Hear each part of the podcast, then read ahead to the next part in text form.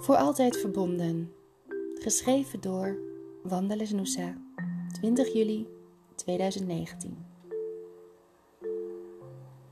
Zo blij met deze mooie emaille pan die we vanochtend op een kofferbakverkoop gevonden hebben. Wauw. Deze pan doet me zo aan mijn oma Les terugdenken, waar ze overheerlijke Molukse gerechten in maakte en in warm hield. Toen ik als klein meisje haar dapper keuken binnenwandelde, werd ik telkens gelijk omvangen door de geur van dampandan en heerlijke geurende boemboes gemaakt van allerlei specerijen en kruiden.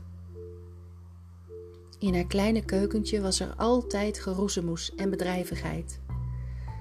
Het was er altijd druk en gezellig, behalve op de tijdstippen dat we samen met de gehele familie, inclusief oma, achter de beeldbuis zaten om oude films van onder andere Bud Spencer, Terence Hill of Bruce Lee te kijken.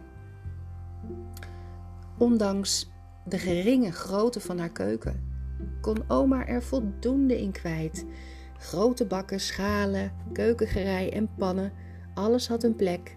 En iedere keer weer kon er met gemak een zitplek gecreëerd worden voor een ieder die meehielp met koken of voor hen die gewoonweg de huiselijke sfeer wilde genieten. Een vredig en groot gevoel van geborgenheid gaf het mij als kind mee om in mijn oma's keuken rond te snuffelen en te zijn. Oma begroette en ieder die haar keuken betrad ook altijd in haar speciale bloemetjeschort op geheel eigen wijze, met daarbij altijd een breedlachse glimlach. Mij en mijn zusje en andere kleinkinderen kneep ze dan altijd heel hard in onze wangen en ze riep luidkeels: Gemus jij! Dan gaf ze ons een stevige knuffel en ze aaide ons lief over ons bol en lachte.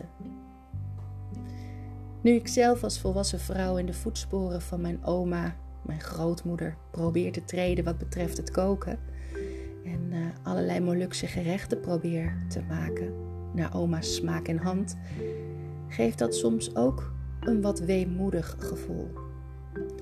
Want wat zou ik graag even terug die tijd in willen gaan, om vervolgens mijn hoofd om haar keukendeur te willen steken en de drukte en gezellige stemming weer te willen ervaren, maar bovenal haar lach weer te horen. Maar goed, zonder me verder droevig te willen voelen, zet ik deze emotie maar gelijk om in positiviteit.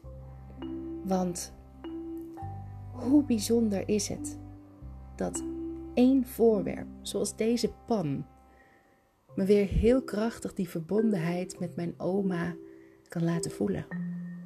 En me weer even terugbrengt naar de tijd van vroeger. Toch wel heel mooi en speciaal.